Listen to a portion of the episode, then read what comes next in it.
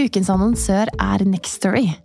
En abonnementstjeneste for lydbøker, der du får tilgang til ikke uendelig, men svært mange lydbøker på nett. Å ja. Et helt univers, rett og slett. For meg har det passet perfekt nå i vinterferien. For da har jeg hatt ekstra tid eh, til å gå lange turer og lytte til bøker. Og så har jo vi en date i kveld, eh, Ingvild. Eh, vi skal på teater og se Anna Karenina. Så da bestemte jeg meg for å bruke Next Story for å lese gjennom den på nytt.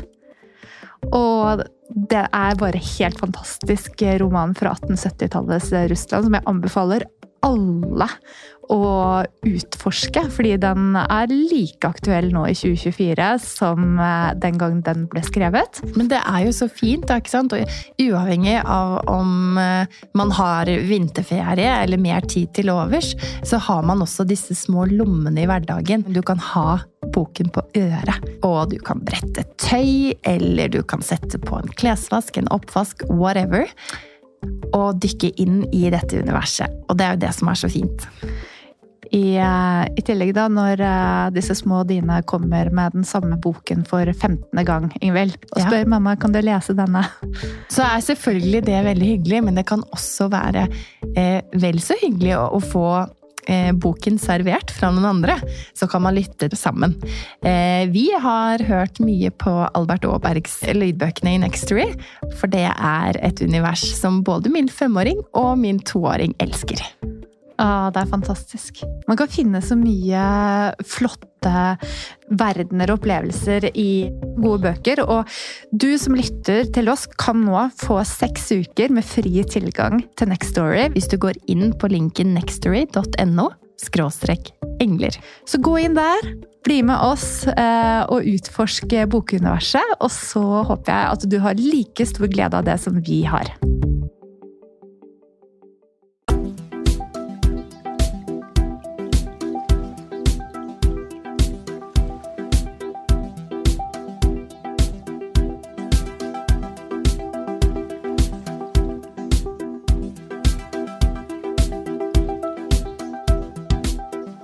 Velkommen til Engler og hormoner. Inspirasjon og ny kunnskap om helse, selvutvikling og livsstil.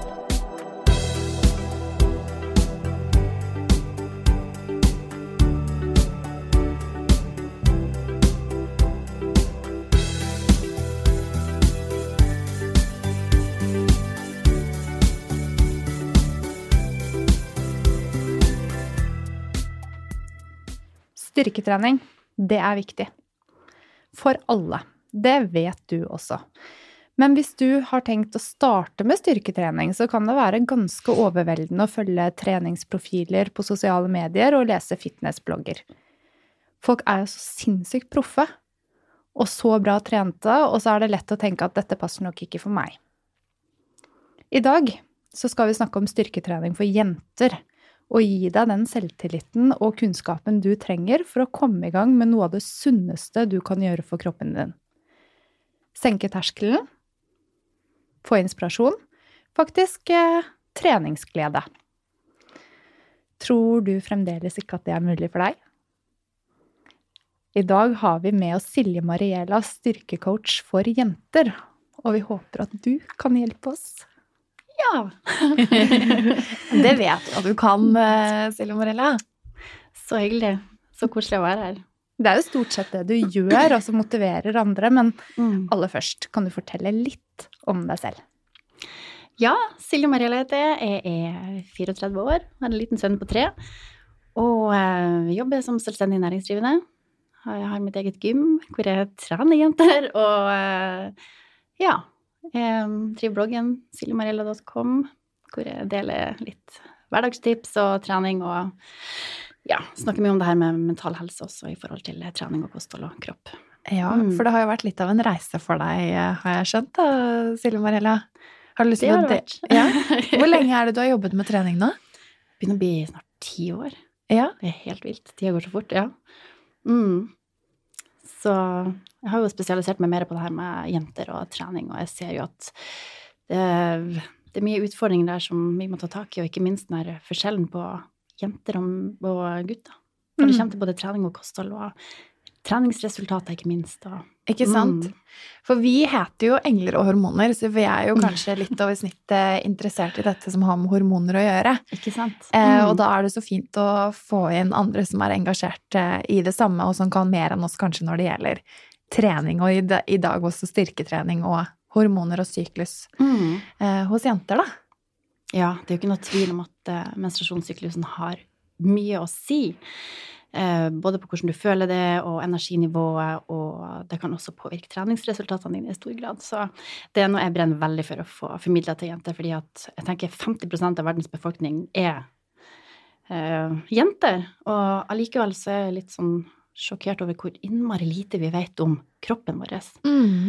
Og spesielt det her med menstruasjonssyklus, så tenker jeg at det, det er noe alle bør vite om hvordan det påvirker oss, fordi em, det er liksom så tabu å snakke om, men jeg tenker at herregud, det her kan jo brukes til våre eh, fordeler, rett og slett.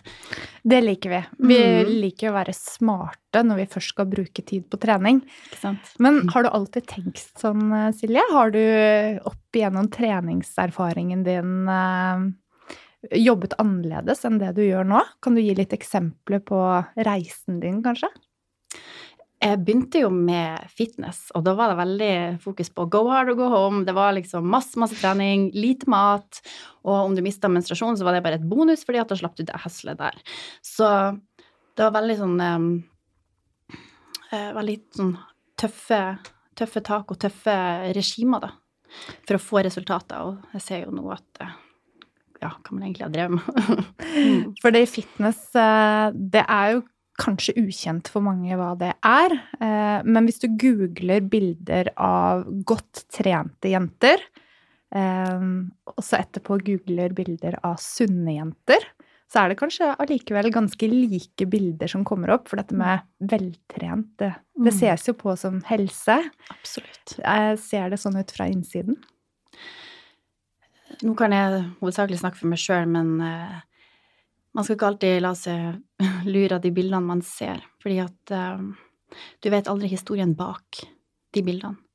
Og for min egen del, jeg var jo eh, Jeg har vært der at jeg har tynt kroppen min til ja, egentlig helt Helt ned i kjelleren. Uh, både mentalt og fysisk, fordi um, alt handler om å få den sixpacken og få blodårene på magen og være ekstremt trent. Eh, Mye for jeg hadde en idé om at eh, når jeg får den kroppen, så blir jeg lykkelig. Da kommer jeg til å få det sexlivet. Jeg kommer til å liksom, ha så mye selvtillit. Og sannheten var jo at jeg ikke hadde sexlyst overhodet. Eh, ikke hadde noe syklus, det er én ting. Eh, energinivåene de var helt, eh, helt i kjelleren. Så eh, jeg kjørte det for hardt. Og ja, så det er fort å tenke at eh, Altså, jeg fikk mange feedbacks på bildene mine, og det ser så frisk og sunn og flott ut, og så satt jeg der og bare ja, jeg hadde ikke metthetsfølelse eller sultet eller noen ting som helst. Kunne gå ned tre liter is på en halvtime. Altså, ja, oppkast. Så det var veldig mye sånn ikke så sunne ting Mm. som lå bak eh, en del av eh, de regimene, da. Hva var det som gjorde at du endret fokuset da, til det mer helseperspektivet, Silje Marilla?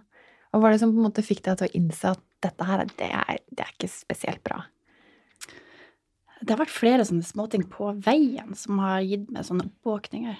Um, men den aller største fikk jeg etter at uh, jeg ble gravid, og um, først da begynte jeg å forstå at kroppen min snakka til meg på en helt annen måte. Og jeg kan ikke lenger ignorere hva den prøver å si. Um, og etter at jeg fikk uh, sønnen min, så gikk jeg òg rett i den fella at nå skal jeg komme i superform på tolv uker. Jeg skal vise dere at kan jeg, så kan alle. Og jeg kjørte et superstrikt regime igjen, og det er jo at jeg nok en gang kjørte meg sjøl i kjelleren, så da da ble det sånn ufrivillig treningsfri i fire måneder, for kroppen ville bare ikke. Mm. Og um, jeg trodde det var latskap, men det, jeg tvinga meg jo på trening, men det var jo ikke mulig å løfte i vekt engang, og da skjønte jeg at ok, her er det et eller annet som ikke er bra. Og ja, det hadde fungert så og så lenge, men ikke lenger. Mm. Um, mm, Jeg tror eh, Altså, vi ser jo det som terapeuter også, og som ser eh, gravide hver eneste dag, at det er mange som eh, som ikke rekker å venne seg helt til den nye tilstanden det er å være gravid, og at Mm. man kan tenke at så lenge man er sterk nok mentalt, så Mm. klarer man å få til akkurat hva man vil. ikke sant? Det er kanskje litt, Nope. der du var eh, da. Ikke for å legge det stempelet på deg, men eh, Mm. det høres ut som du kan være et godt eksempel på det. Og da kanskje også med din kunnskap fortelle litt mer om hva, hva da som skjedde med deg, og selve treningsprogresjonen litt tid etterpå du hadde den erfaringen. Det tror jeg Mm. kan være nyttig for mange å vite. Ja. Eh, Det jeg fant ut av, det var at jeg må faktisk ta et stort steg tilbake.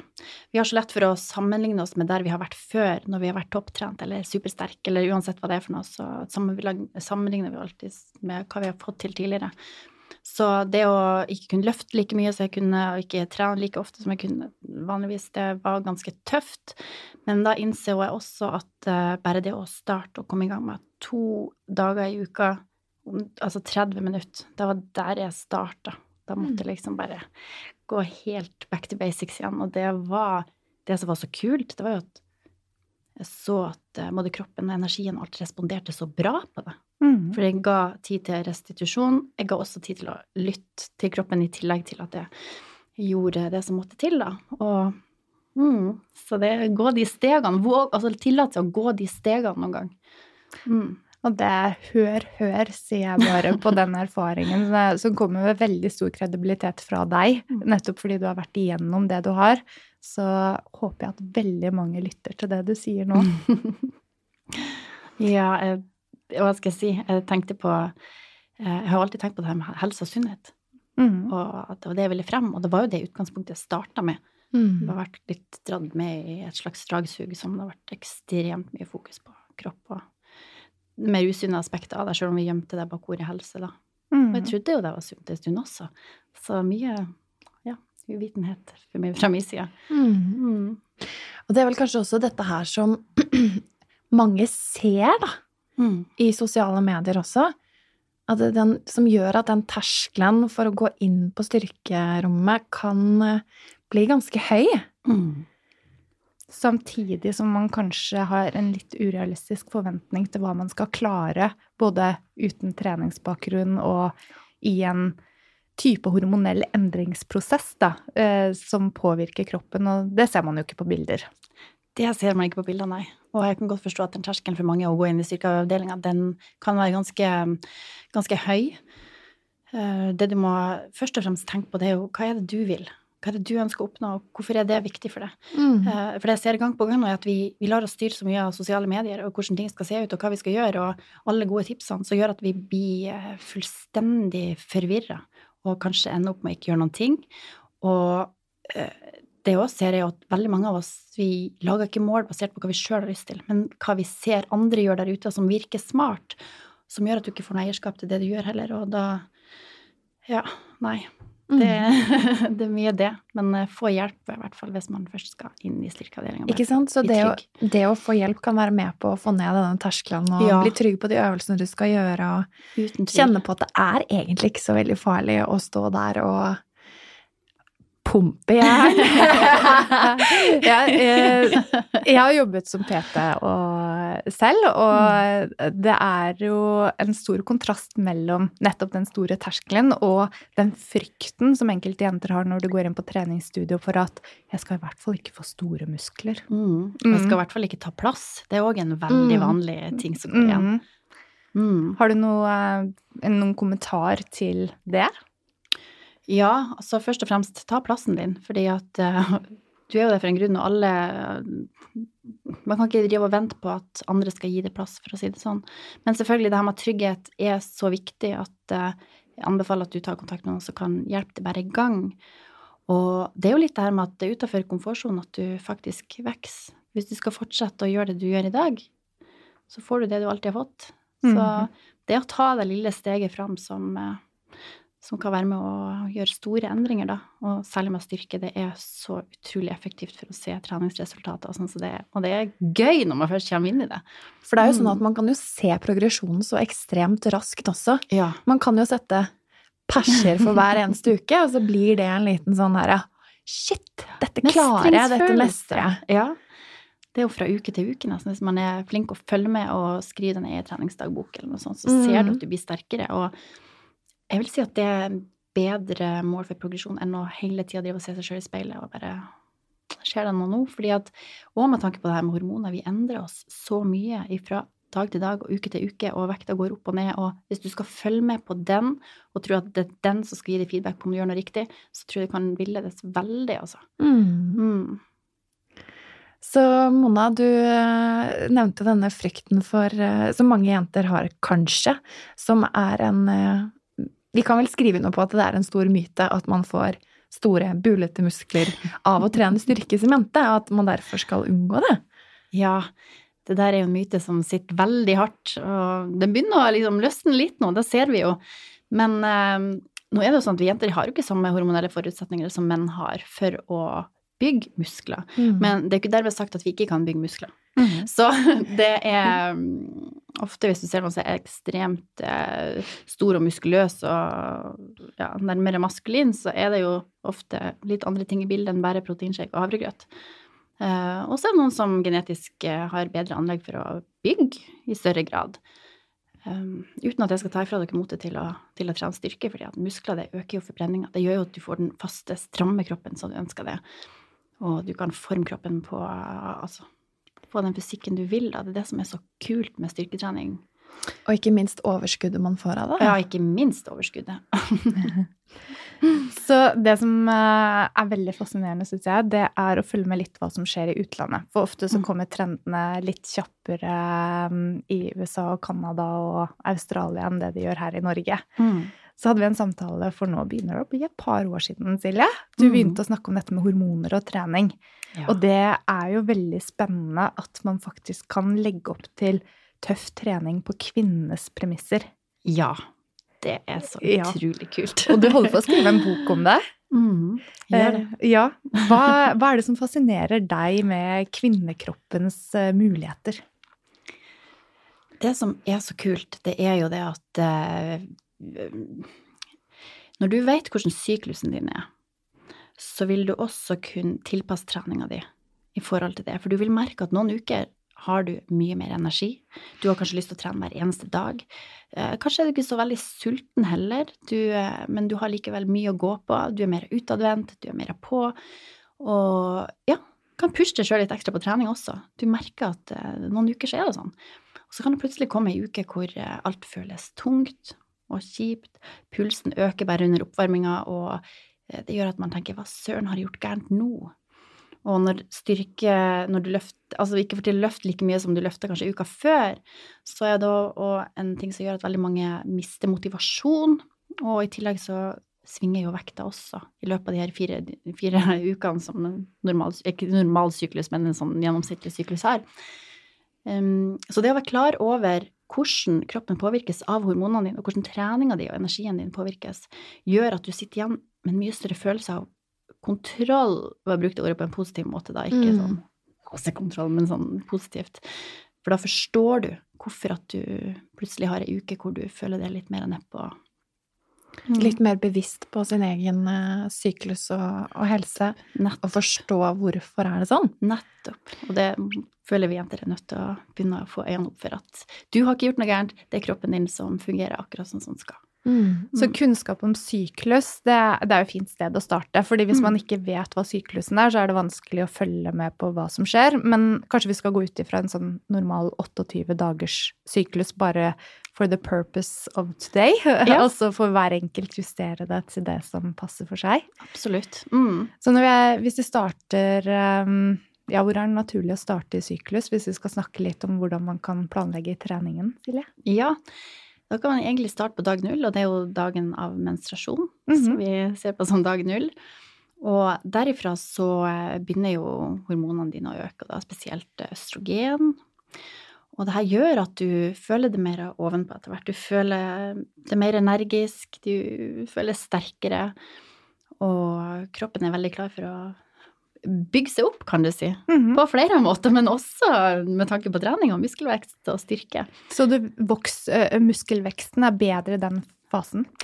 Ja, det er det studiene viser til nå, at det er en fase du virkelig kan utnytte for å, for å pushe litt ekstra. Og du har jo også som regel mer energi i denne fasen her, som gjør at du kan utfordre det litt mer på, på om det er litt tyngre løft, eller om at du skal løpe lengre eller løpe raskere, eller uansett hva det er for noe, så er det her en periode du gjerne prestere bedre, da. Mm. Kanskje ikke de første to-tre dagene av menstruasjonen, men etter hvert som den fasen kommer litt i gang, så, så vil du merke at også energinivået og humøret også går opp. Mm. Så når du snakker om tung trening, Mm. eh, hvis vi skal ta høyde for at det er noen som har lyst til å se på det nå, men ikke har så veldig Mm. eh, stor treningsbakgrunn, Mm. hva er eh, typ antall repetisjoner som det tilsvarer med tung trening? Å ja, det, det kan jo være alt fra tre repetisjoner opp til um, åtte, ti kanskje. Det er Eller sånn at du kjenner at du virkelig bruker musklene dine. Mhm. Eh, det er et fint sted å, å starte, tenker jeg. Mm. Um, utover det så er det Ja. Det er i hvert fall tida du òg kan prøve litt nye ting, for du har et bedre fokus. Ja, som nye øvelser, for eksempel. Nye øvelser, nye aktiviteter. Det er liksom Du er mer åpen for, for nye ting. Mm. Så det er et veldig bra sted å starte. Så når vi da er ferdig med den første fasen i uh, syklusen vår, Mm. så kommer vi til eggløsningen. Ja. Ja, hvordan er det den påvirker oss da? Det er jo på en måte den som deler de her to fasene i to, da, kan du si. Mm. Da du går over fra ja, mer østrogen til å, mer progesteron, som det heter. Og eh, det du kan merke de dagene rundt, eh, rundt eggløsning, det er, jo, det er jo litt individuelt, da, selvfølgelig. Noen blir jo mer slapp og sliten, mens andre blir veldig på topp, og sexlysten er på topp, og man føler virkelig for å bare å, gunne på på alle mulige måter. Mm. Så um, Og den varer jo ikke så lenge. Det er jo noen timer, skutt å si, et døgn eller noe sånt. Så det, det som skjer gjerne etterpå, det er jo at du, du går inn i en roligere fase, da, kan du si. Um, du vil merke at energinivåen etter hvert daler litt, og styrken går som regel litt ned.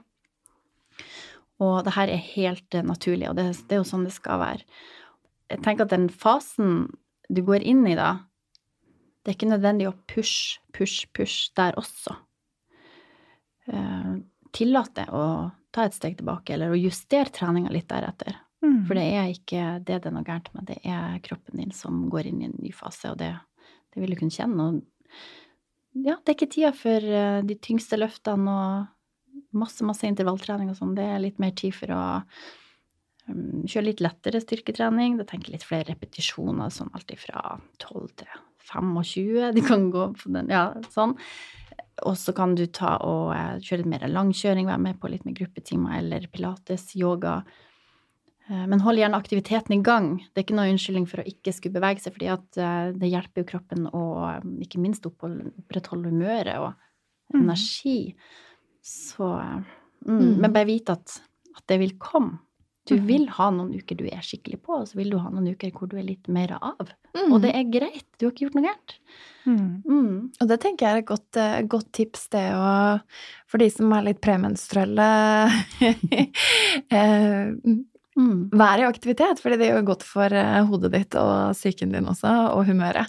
Absolutt. Mm. Og det er jo ganske kjent at humøret tar seg en liten sånn dipp denne perioden, for veldig mange i hvert fall. Mm. Så det å eh, fortsette med fysisk aktivitet, Mhm. det er gull verdt, for det hjelper jo kroppen på mange måter. Sjokolade funker også, men allikevel, den eh, fysiske aktiviteten, den, ingenting kan erstatte. Mm. Og da holder du på en måte en god, en god rutine gjennom hele syklusen også. For det er ofte her folk faller av Mhm. ser jeg. Når det går inn i den premenstruelle fasen hvor man, ting er tungt og ting er kjipt, og man går opp i vekt i stedet for ned, hvis en vektnedgang var målet, så er det vanskelig å holde motivasjonen oppe. oppe. Mhm. Men bare vite at det er kroppen som justerer seg. Det trenger ikke bety at du har spist for mye eller trent for lite eller ja. Så hvis, eh, hvis du da er eh, i den fasen og tenker Mm. at nei, dette gidder jeg ikke mer, jeg har jo sluttet å trene, for dette gir ikke resultater, så, så, så stemmer ikke det, altså. Nei. Kontinuitet er det viktigste. Aller viktigste. Mm. Tilpasse det kroppen din. Mhm. Eh, Mange treningsprogram er jo lagt opp sånn at man kjører det samme hver eneste uke. Mm. og tyngre og tyngre og tyngre. og tyngre. Men jeg ser med pasienter så kan vi med fordel bruke i hvert fall siste uka før menstruasjon som en slags deload-uke. En uke hvor vi henter oss litt mer inn igjen. Mm. Og, um, mm, og det vil jo gjøre at du kan kjøre på enda tøffere når du går inn i den eh, follikkelfasen, som vi kaller det. da. Etter, når du går inn i menstruasjon og Mhm. får mer energi igjen, så Der vi kan få store litt? resultater. Yes. Da er det bra å møte den og være uthvilt. ja, mm. det er det. Så da har man jo kommet litt inn på dette her med restitusjon, da. Mm. Eh, at da har man denne ene deload-duken som eh, kanskje også er med på å restituere. Mm. Men eh, andre faktorer for god restitusjon er vel både ernæring og, eh, og nok søvn og hvile. Uten tvil. Mm. Søvn spesielt, den er så viktig. Så ja, du ser faktisk at søvn er om man kan si nesten viktigere enn fysisk aktivitet og kosthold. Mhm. Fordi at det er jo da um, du resetter kroppen litt, og da du får masse gode hormoner i løpet av natta også.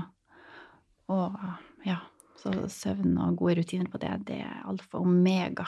Du kan trene og spise alt du orker, men hvis vi ikke tar oss tid til den hvilen og lar kroppen bygge seg opp igjen, så går vinninga litt opp i spinninga, kan man si det. Mhm. Mm. Blir man også mer utsatt for skader, kanskje? Ja, uten tvil. Og du får et dårligere fokus også. Mm. Du har jo eh, Vi var jo så heldige å få en liten sniktitt på innholdsfortegnelsen til den nye boka di eh, som kommer om en liten stund, eh, Silje Mariella. Men der skriver du jo også om dette her med ernæring, og hvordan Mm. syklusen vår egentlig påvirker kanskje hva vi har lyst på. Mm. Alle kan vel kjenne seg igjen i at det er noen dager i uka hvor man kanskje craver noe et eller annet. Sjokolade! Sjokolade, for eksempel. Det er din svakhet. Eller styrke. Ja. se òg det at eh, appetitten kan endre seg i løpet av menstruasjon, menstruasjonssyklusen. Og kanskje har du ikke så mye matlyst de dagene etter menstruasjon og fram mot eggløsning. Mens etter da så føles det plutselig som at magen er et hulrom, og du får liksom aldri nok mat. Så Og det er helt naturlig grunn til det òg. Og når kroppen går inn i eh, lutealfasen, som vi kaller det, den fasen som kommer etter eggløsning, så øker jo også forbrenninga litt. Som kan være en av grunnene til at man kjenner på det her med at du bare må ha noe mat. Mm. Så cravings um, Hvis man har veldig god kontakt med seg selv, så Mm. kjenner man kanskje godt på hva man ønsker og ikke. Men så har vi jo litt vaner også, da. Så det er jo gjerne at kanskje hverdagen går litt i det samme. Er det slik at vi skal spise på en spesiell måte også for å optimalisere denne syklusen og treningseffekten? Det man ser, det er jo det at eh, ved å legge til enda litt mer fett i kostholdet, når du går inn i lutealfasen, altså den siste fasen før menstruasjon, så, så kan det hjelpe på å eh, opprettholde metthetsfølelse. Som er veldig hensiktsmessig, spesielt når, du, eh, når forbrenninga øker og du bare må ha et eller annet. Det er fort å ty til sjokoladen, da, men det blir som gjerne ikke bare én, det blir gjerne masse etter da. Så det å være litt smart her og fylle på med grønnsaker og proteiner, og det er veldig hensiktsmessig. Da Mhm. ser jeg òg at det gjør at man klarer å holde ei sunn og god linje hele veien, da, enn at man er flink i flink i hermetegn, eh, til tre uker, og så går man rett på snørra i godteriskål, da. Mm. Så det å være litt sånn bevisst på at det vil komme en periode hvor ting er litt kjipere, det, du har mer lyst på godteri, og ta gode valg likevel. Mm. Det er med å holde, ja, holde det oppe og Mm. gjøre mer klar for neste fase. Mm. Jeg tenker at alt man vet om på forhånd, Mm. sånn, dette kommer til å skje med kroppen din. Da Mm. går det an å ta bevisste valg istedenfor å la seg styre av disse hormonene, da. Absolutt. Ja, Mm. hvis det er det man ønsker. Så, så dette med, med stress også, rundt både alt dette med trening og kosthold og livet generelt Mm. Der er det jo andre hormoner som er inne i bildet, men påvirker det oss eh, på en måte i forhold til trening også? Kortisol, det er jo det som er de stresseste hovedstresshormonene, da. Du har jo en del andre også. Og går du konstant rundt og er stressa, både, altså ikke bare med to do-lista di, men også oppi hodet med tanke på kroppsbildet og ja, negative tanker, det fungerer jo også som stress på kroppen, og det Mm. virker jo nedbrytende. Det er jo sånn at litt grann stress eh, nå og da, akutt stress som vi kaller det, det er jo bra for kroppen, det styrker det jo. Mm. Men når det blir kronisk, at du konstant går rundt i den stressa følelsen, og alt er bare et jag og pes, og du Ja. Striving but never arriving, det er vel det det føles ut som. Det virker mer nedbrytende. Så det å ta et steg tilbake når man, når man begynner å gå som en sentrifuge oppi, oppi hodet, det er ganske smart. Og også begynne å stille seg spørsmål hvorfor gjør de her tingene jeg gjør? Hvorfor eh, gjør jeg husarbeid? Hvorfor lager jeg middag til familien? Altså alle de her små to do-tingene som vi ofte stresser over. Mm. Begynne å stille seg spørsmål hva, hvorfor gjør du det her, og hvorfor er det egentlig viktig for det? For vi blir fort så offer for, for eh, den to do-lista vår. Men Mm. det fins andre måter å se den på også, som også kan roe ned hele systemet. Og det vil jo også igjen føre til at uh, du har mer energi å bruke på trening. For det er jo ikke noe tvil om at alle tankene og tankevirksomheten din, det er energi. Og du kan velge litt hvor du vil sentre den energien, da. Og går alt på stress, stress, stress hele tida, så er det Du vil merke det på treninga di. Da tapper det mer enn eh, mm. Mer enn hva det gir. Ja, altså noen ser jo trening som en, et, sted, et fristed som de henter energi igjen. Mm. Kroppen trenger å bygge seg opp også, så stressmestring det er gull verdt, og det er gull verdt med tanke på hormonene dine også, for stresshormonene stresshormoner det er jo hormoner som egentlig overkjører hele systemet. Mm. Mm. Det er jo en sånn eh, Ja, en sannhet som vi kommer eh, tilbake til i, eh, i, mange, i mange episoder her. Mm. Enten det er med yoga, eller det er med mentaltrener, eller Mm. gynekolog. Det er, disse stresshormonene de er ikke bra for oss, så vi må lære oss eh, måter å kanalisere dem på. Absolutt. Og jeg tror et viktig steg, det er jo det å kutte ned på sosiale medier. Mhm. For det er et stressmoment for så mange. Og det Mm. gjør at man konstant går rundt og ikke føler seg bra nok. Og, og jeg skulle gjort sånn istedenfor sånn. Burde, burde, må, må. De tankene spinner hele tida. Mm. Så um, ta, og, ta alle sosiale medieappene deres og putt de inni ei sånn mappe, og flytt den mappa så den ikke er så innmari tilgjengelig hele tida. Fordi at mest sannsynlig så går de fleste av oss på autopilot. Så bare en gang vi tar opp telefonen, så bare går vi rett inn på eh, Facebook eller Instagram. Mhm. Så du får egentlig aldri tid til å, til å senke skuldrene eller å connecte litt med Mm. hvem du er og hva du vil. Fordi at vi er så på reactiven hele tida. Så det kan være en sånn derre Da merker du i hvert fall når du går inn, og så kan du stille deg sjøl spørsmålet hva er det jeg ønsker å oppnå ved å gå inn på Facebook akkurat nå. Mm. Altså, det er litt interessant det med hvis man skal i gang med trening, da følger en rekke treningsprofiler, eh, og bare stoppe opp og tenke Ser jeg på dette nå istedenfor å gå på trening? Og får det meg egentlig til å føle meg dritt? Eller eh, er dette noe som inspirerer meg til faktisk legge fra meg telefonen og gå ut? Veldig gode spørsmål. Ja. Og det er jo når man ser, Vi er så opptatt av å følge med på andre sine liv, og så bruker vi den tida på å ja, føle på alt vi ikke får til, enn å bruke tida på å bygge den kroppen eller den hverdagen vi sjøl ønsker. Mm. Det er ganske skremmende hvor mye tid det der tar, altså. Ja. Mm. Ja. Enstemmig ja rundt bordet. Og hvor strenge er vi ikke, eller kommer vi til å bli med våre barn? oh, ja. Ja, Så kanskje starte som et godt eksempel. Jeg tror det er Mm. viktig. Mm. Mm. Men alt dette stresset da, Silje, fordi um, du kom inn på dette med Athletes Triad også Mm. i boka di, ehm, som kanskje er en betegnelse på hva som skjer når vi går inn i denne statusen med at vi får for mye på to do-lista og for lite progresjon. Mm. Eh, dette kan du mer om, det vet jeg. Kan du ikke fortelle litt mer om hva er det som skjer i kroppen vår når vi havner i denne, dette triangelet? Ja, Female Athlete tried, som vi kaller det.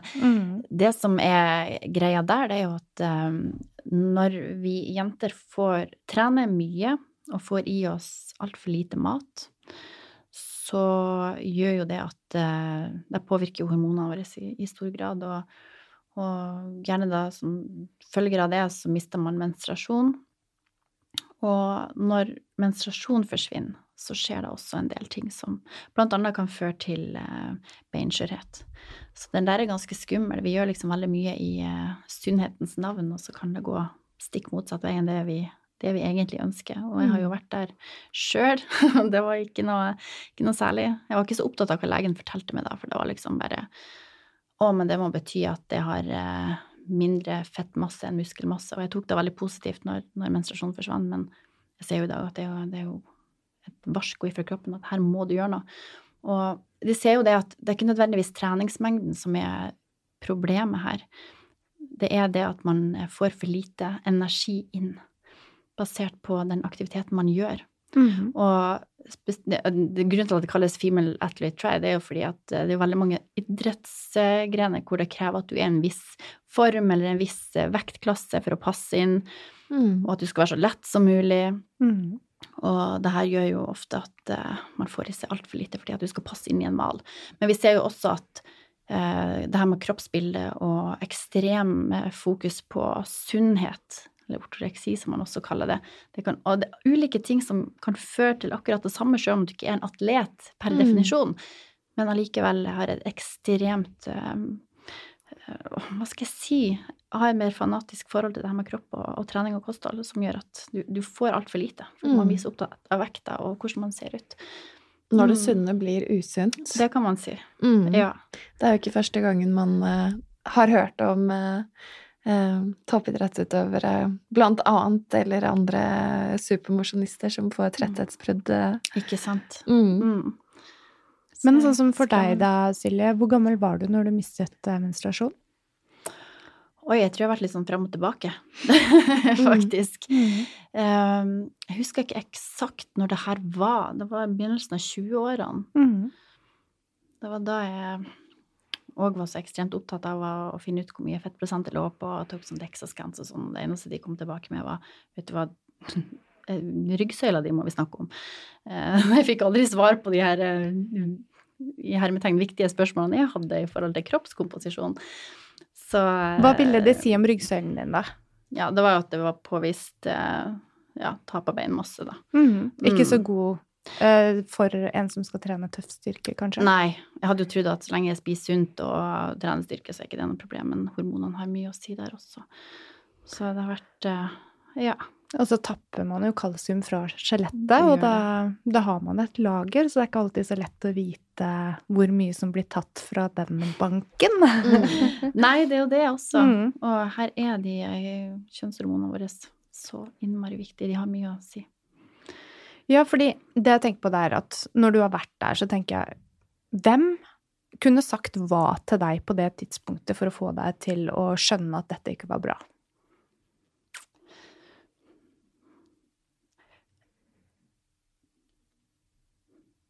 For å være helt ærlig, Mm. på det tidspunktet så kunne jeg ikke ha brydd meg mindre. For det eneste jeg tenkte på, var hvordan jeg så ut i speilet. Mm. Det er sånn som egentlig sank mer og mer inn etter hvert. Og ja. Så den der er litt sånn uh, interessant. Mm. Mange må jo gå, gjøre sin erfaring enn å bli fortalt hva man skal gjøre. Men det jeg ser nå, det er jo at jeg har jo lyst til å ha en sprek og frisk kropp. Uh, både når jeg er 40 og 50 og 60 og 70, og jeg vil være der for uh, barnebarna mine. Og nå ser jeg det litt mer langsiktig. Akkurat da så jeg bare der og da. Mm. Er, er det Unnskyld. er det noe av det perspektivet som endret seg etter at du ble mamma selv? Det har endra seg veldig, ja. Mm. Og jeg ser jo det at um, ja, Hvor utrolig viktig det er å tenke litt framover, selv om det er viktig her og nå også. Men husk at du kan se bra ut og bli veltrent nå, og samtidig ta vare på kroppen din og spille på lag med den. Og få, ja, få fysikken du vil ha, men samtidig ha helsa di i, mm. i orden også. Mm. Mm. Det er um, utrolig viktig å spille på lag med kroppen i alle livets sykluser. Ja. Mhm. Uten tvil. Det er, eh, det er på en måte sterkt for oss alle som sitter her i studio nå, fordi eh, det er jo en enorm læring som ligger i det du formidler, og all ære for at du tar fagkunnskapen ut til damer.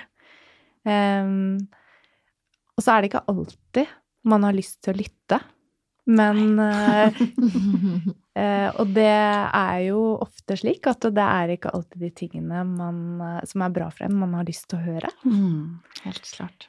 Men uh, det er vikt, en viktig stemme, Silje, med din erfaring og det du formidler. Og jeg tror ikke bare for de som kanskje sitter her og lytter, men også som fremtidige mammaer til Mm, tenåringsjenter som skal igjennom det samme som uh, det du har vært igjennom. Mm. Mm.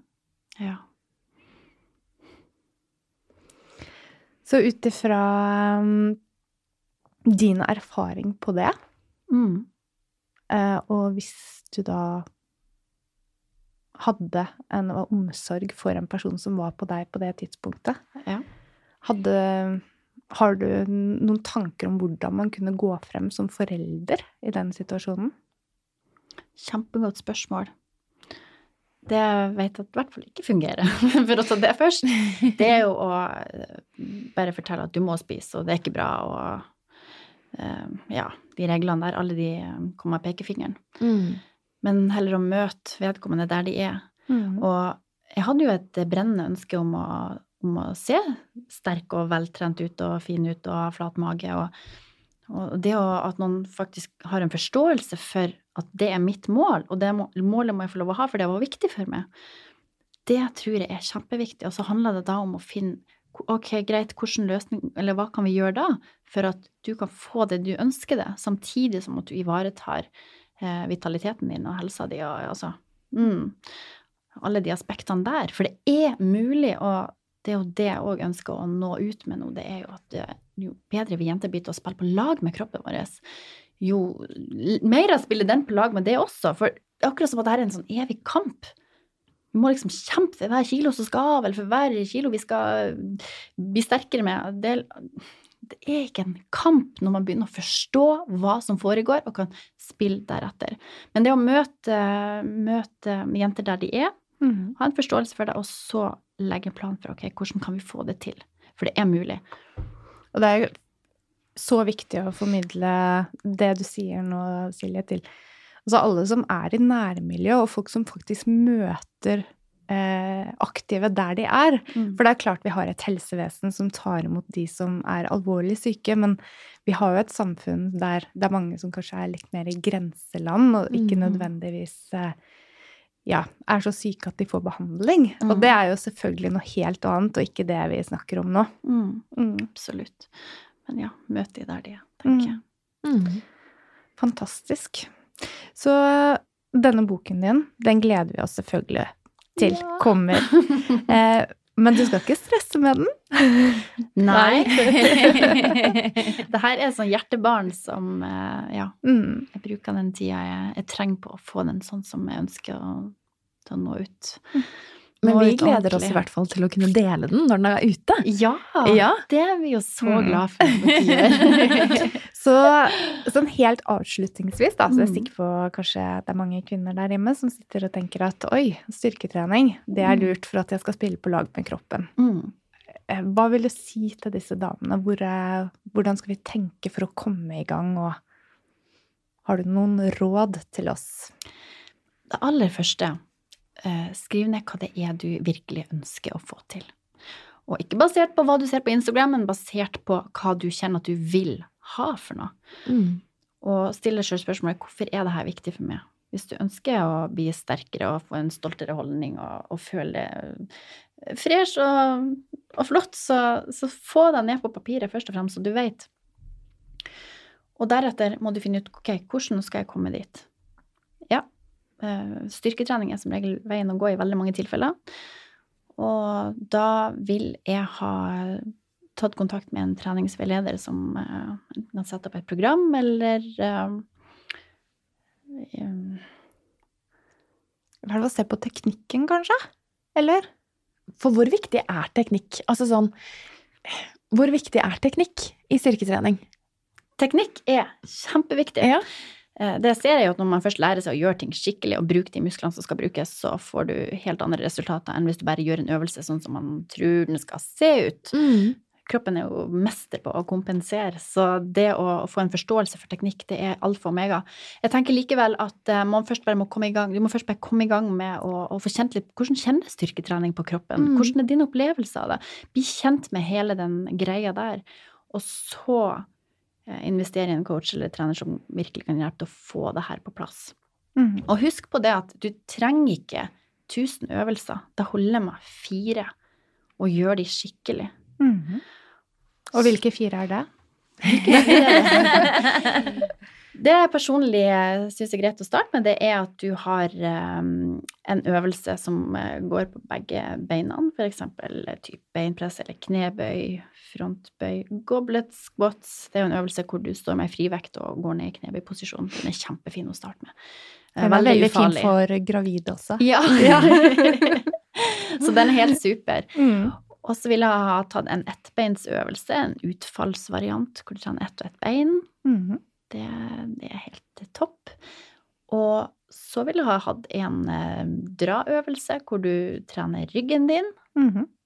Og så en push-øvelse, enten i form av pushups eller noe annet du i hvert fall dytter opp eller dytter foran det. Eller, Mm. eh, og nå sa jeg fire øvelser, jeg skal ta fem, for noe på kjernemuskulatur er også selvfølgelig ganske smart. Mm. Mm. Planke kan være en fin, et fint sted å starte. Mm. Så bra. Mm. Og så er det jo dette her at eh, Ja, det å bruke hele kroppen når man trener. Mm. Eller gjøre friøvelser, altså trene med frivekter. Ja. Hvor deilig det kan være. Det er jo eh, Det er så deilig når du kjenner at du bare blir sterkere og virkelig har mestring på det du gjør. Da. Mm. Og jeg er absolutt eh, stor fan av frivekter i stedet for maskiner. Fordi Ikke at, sant? Ja, det støtter jo opp på en helt annen måte. Eller du må støtte opp på en helt annen måte.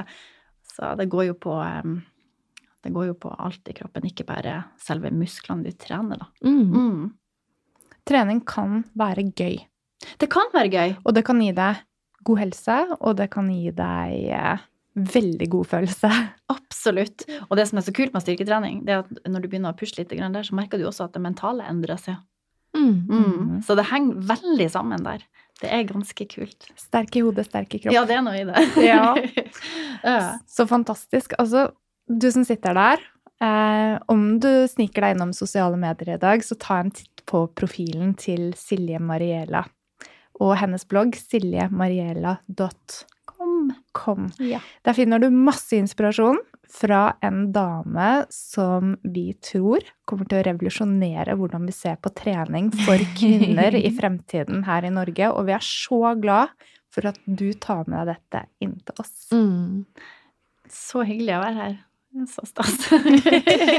Så hvis du likte denne episoden, gå gjerne inn på iTunes og gi oss en tilbakemelding. Og gi oss gjerne fem stjerner, slik at flere kan finne denne podkasten og få ta del i den kunnskapen som Silje nettopp har delt med oss. Mm. Og vi gleder oss allerede til å høre fra deg på Instagram at angler og hormoner.